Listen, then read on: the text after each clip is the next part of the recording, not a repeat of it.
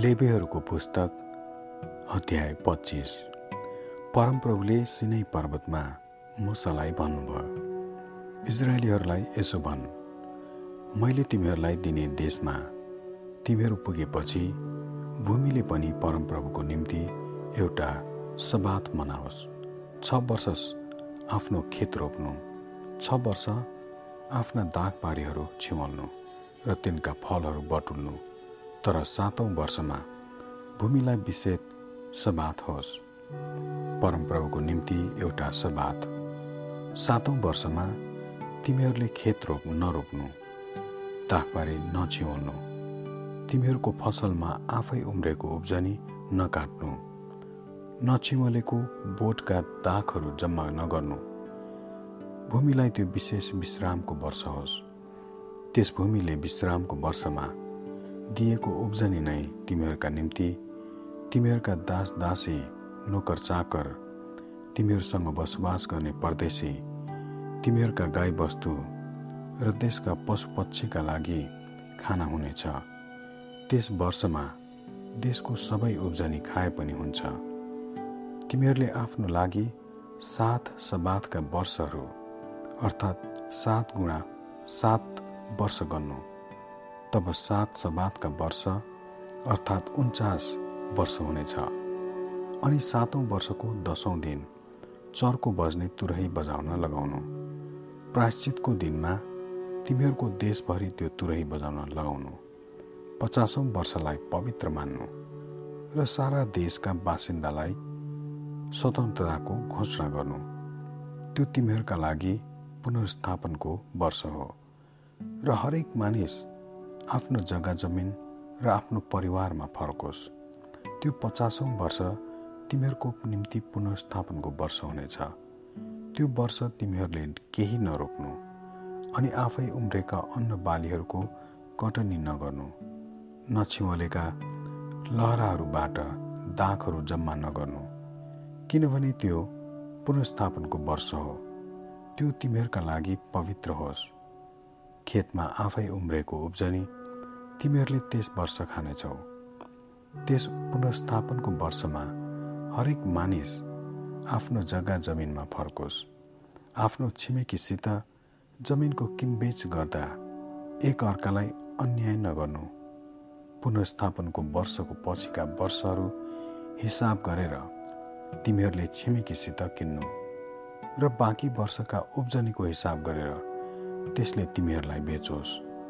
जति धेरै वर्ष बाँकी रहन्छ त्यति दाम तिमीहरूले बढाउनु र जति थोरै वर्ष बाँकी रहन्छ त्यति नै तिमीहरूले घटाउनु।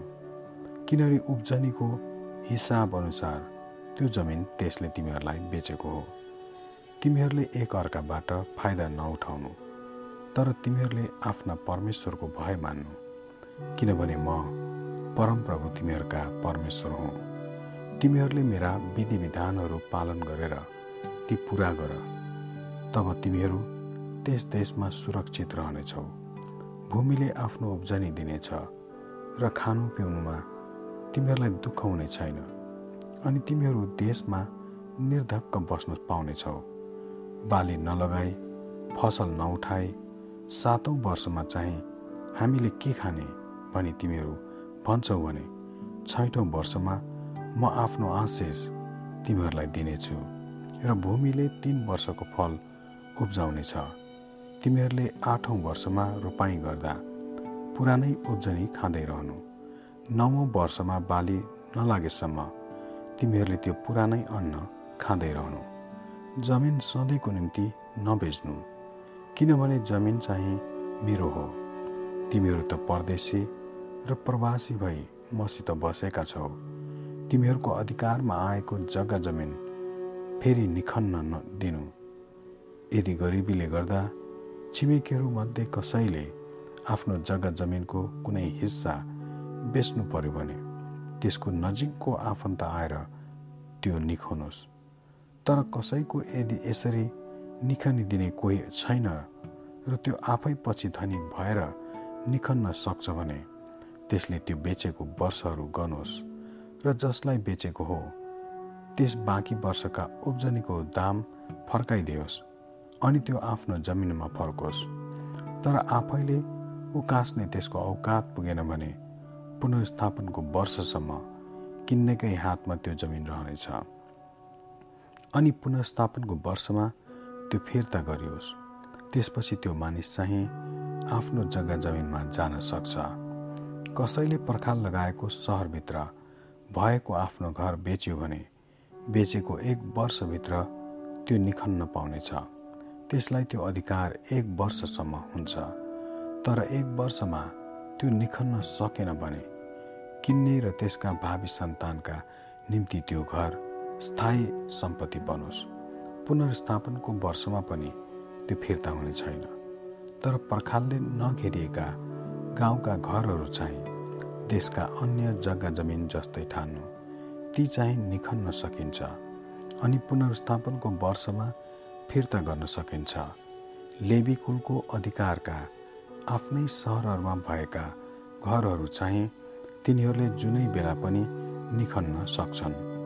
लेबी कुलको अधिकारमा भएका सहरहरूमा कुनै लेबीले आफैले बेचेको घर फिर्ता लिन सकेन भने पुनर्स्थापनको वर्षमा त्यो त्यसलाई फिर्ता गरियोस्। किनभने लेबीका सहरमा भएका घरहरू चाहिँ इजरायलमा तिनीहरूको पैतृक सम्पत्ति हुन्छ।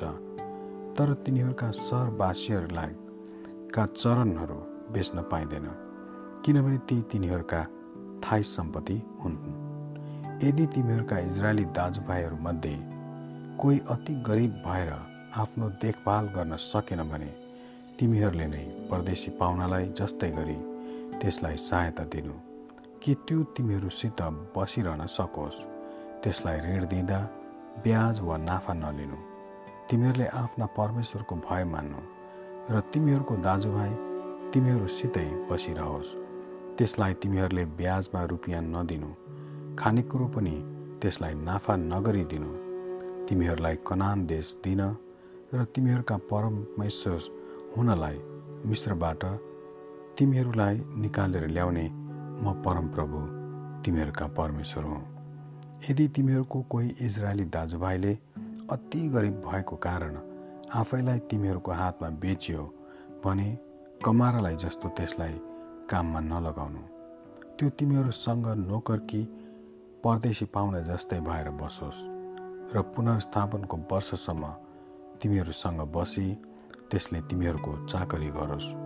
त्यसपछि त्यो र त्यसका बालबच्चा तिमीहरूबाट छुटेर आफ्ना परिवार र जाय जेथामा फर्कोस्। किनकि मैले मिश्रबाट निकालेर ल्याएका ती मेरै दास दासीहरू हुन्। तिनीहरू कमारा कमारीहरू जस्तै नबेचिउन् तिमीहरूले तिनीहरूमाथि कठोर व्यवहारले शासन नगर्नु तर तिमीहरूका परमेश्वरको भय मान्नु।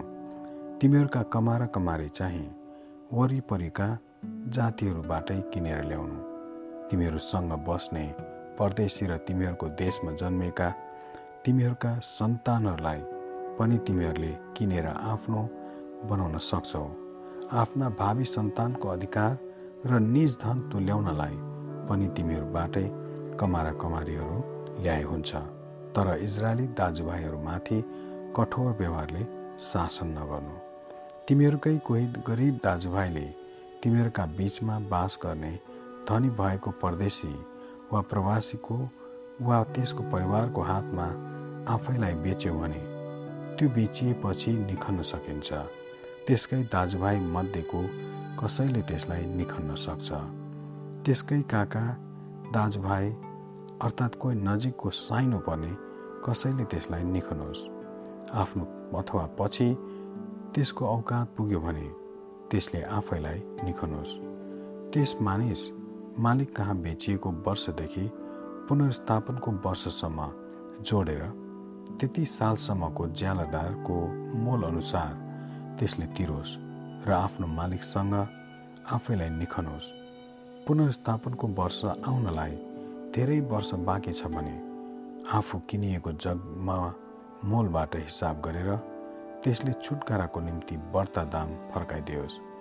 यदि पुनर्स्थापनको वर्ष आउनलाई थोरै मात्र बाँकी छ भने त्यसले त्यसअनुसार हिसाब गरेर आफ्नो छुटकाराको दाम फिर्ता दियोस् ज्यालादारी नोकर जस्तै भएर प्रवासी मालिकसँग त्यो बसोस् र उसले त्यसमाथि कठोर व्यवहारले शासन नगरोस् भनी तिमीहरूले ख्याल राख्नु। यी उपायहरूबाट पनि त्यसको छुटकारा भएन भने त्यो त्यसका छोराछोरीहरूसँगै पुनस्थापनको वर्षमा निस्केर जाउन्। किनभने इजरायलीहरू मेरै दास दासीहरू हुन्।